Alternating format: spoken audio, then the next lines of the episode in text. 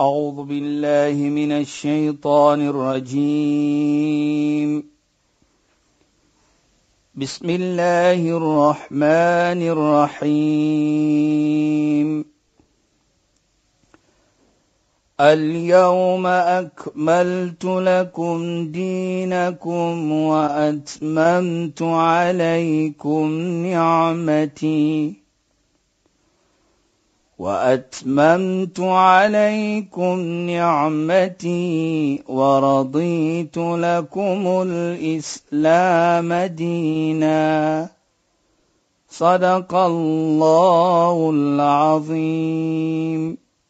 السلام عليكم ورحمة الله وبركاته. خيانات بايا فاكم بدي برنامج إسلام فوكس My naam is Shahida Kali en ek gesels soos ouer gewoonte met Sheikh Dafir Najjar. Assalamu alaykum Sheikh. Wa alaykum assalam wa rahmatullahi wa barakatuh. Sheikh, vanaand het ek daai horlosie heeltemal afgedraai sodat dit loop glad nie verder nie, so ons weet die tyd staan stil. die tyd gaan nie verder stap nie. Sheikh, verlede week het ek vir u in die rede geval net toe u weer eens wou praat oor 'n gesegde van die heilige Ja. profeet Mohammed sallallahu alaihi wasallam. Bismillahir Rahmanir Rahim. Alhamdulillah wassalatu wassalamu ala rasulih sallallahu alayhi wa sallam wa ala alihi wa sahbihi ajma'in wa ba'd.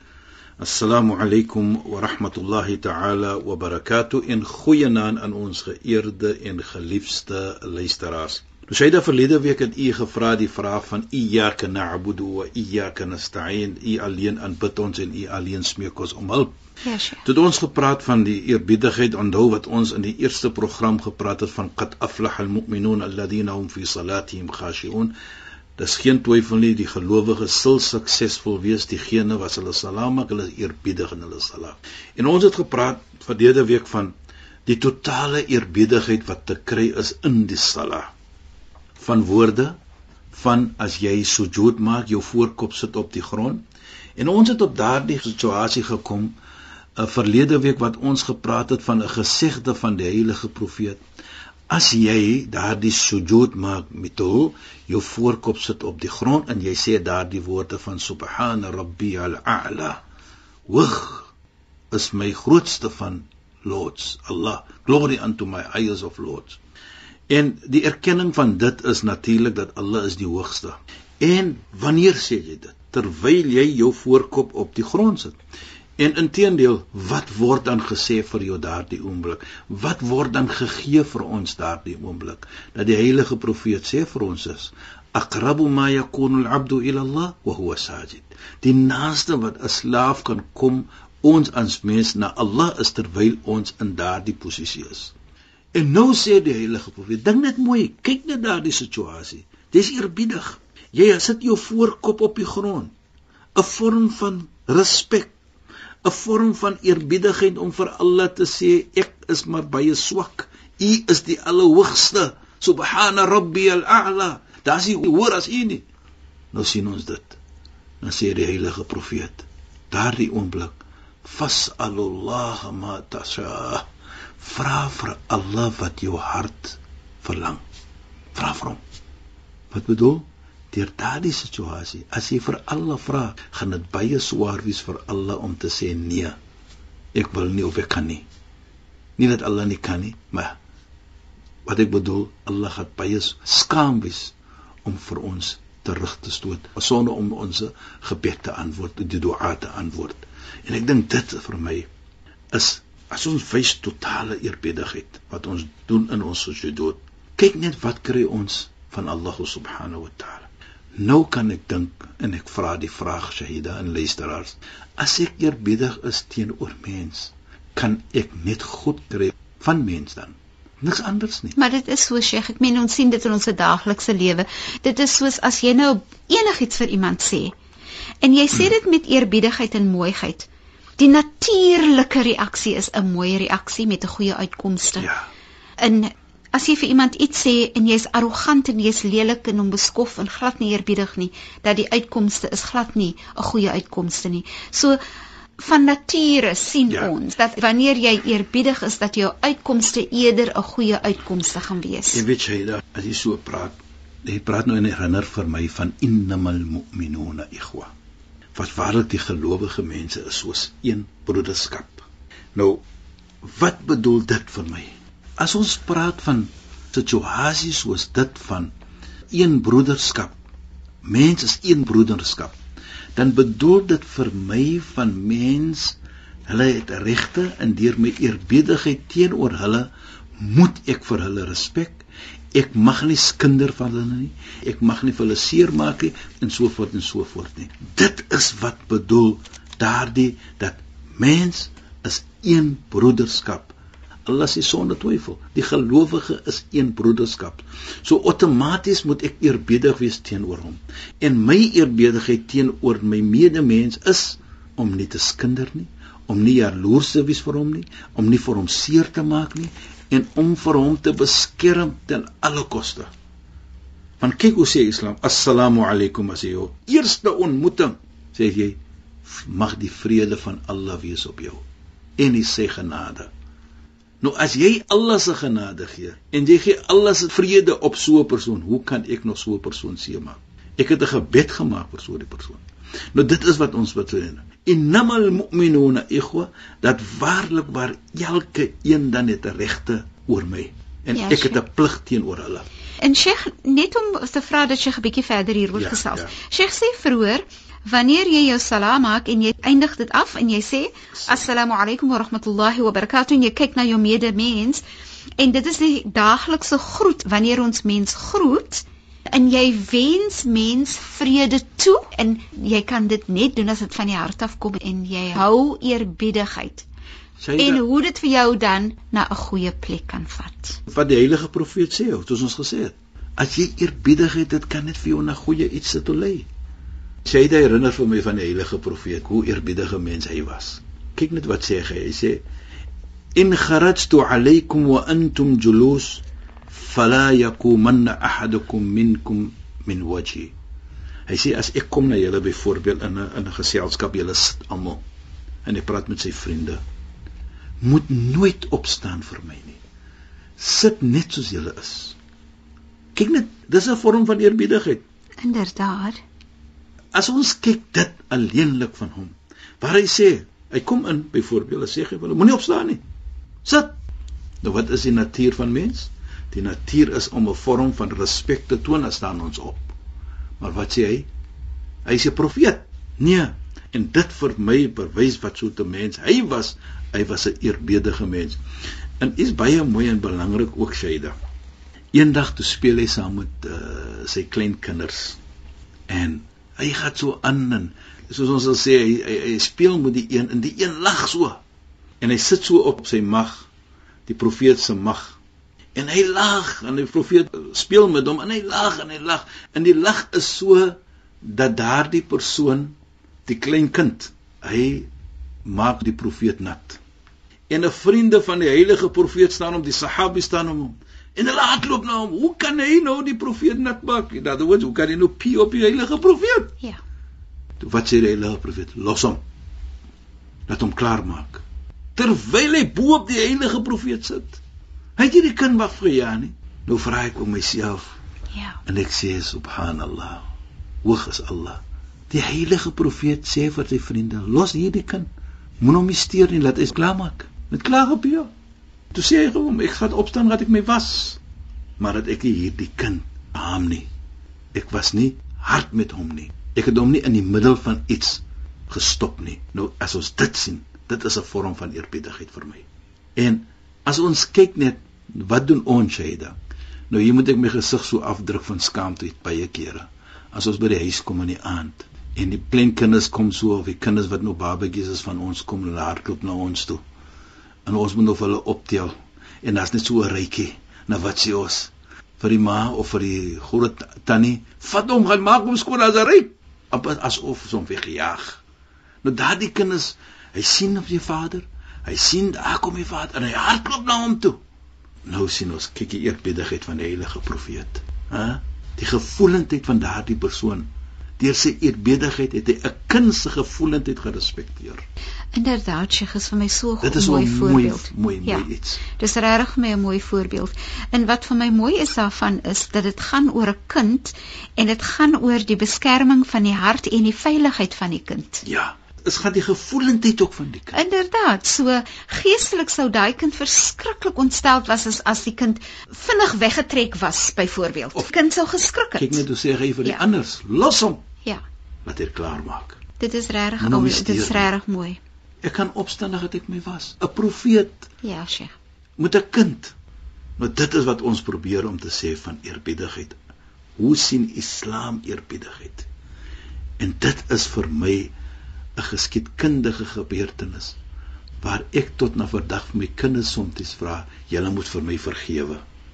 Want volgens my ah, is 'n oombliekie wat ek gesê het, kyk my my vrou, hier's 'n reukie aan die ene, vat hom maar en hom. Dan Sheikh dink ek, Sheikh nooit nappy gechange nie. Sheikh. Okay, Zinali Hoe Shaida. daai occasionally klink verskriklik lank.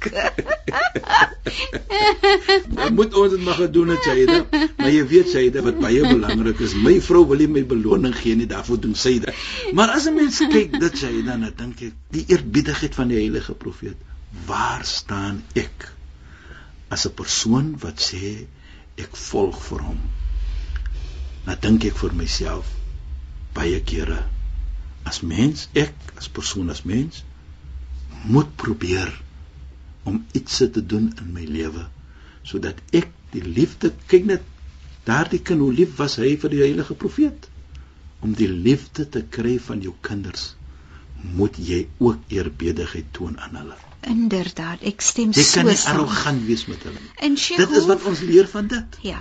En Sheikh, as jy jy's 'n ouer deur die en jy leer jou kind deur die voorbeeld wat jy stel. presies presies En as jy die voorbeeld van eerbiedigheid stel, dit is die beste manier waardeur jou kind eerbiedigheid teenoor jou en ander mense leer. presies hy dan nou ek kyk hoe daardie kind hoe lief was hy vir die heilige profeet Mhm. deur daardie eerbiedigheid.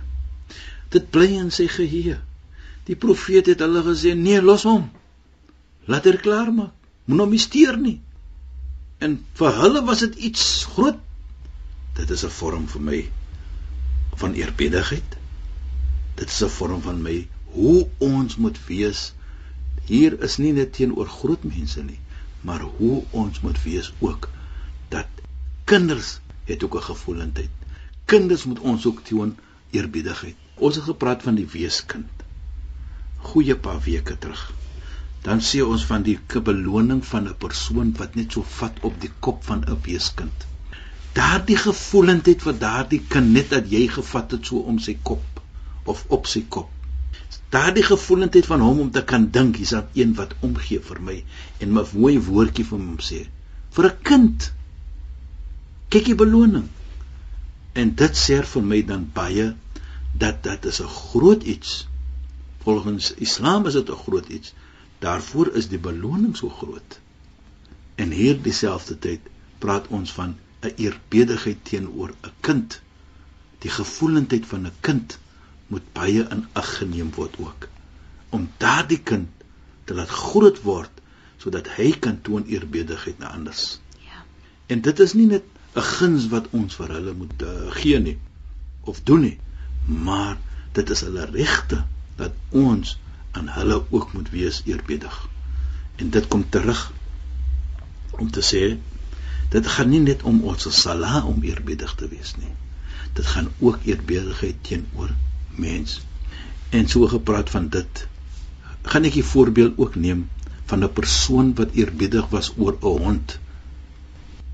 En ons het dit in die verlede dit genoem, maar dis maar is net 'n herinnering om vir ons dit weer te laat verstaan wat die beloning van so iets.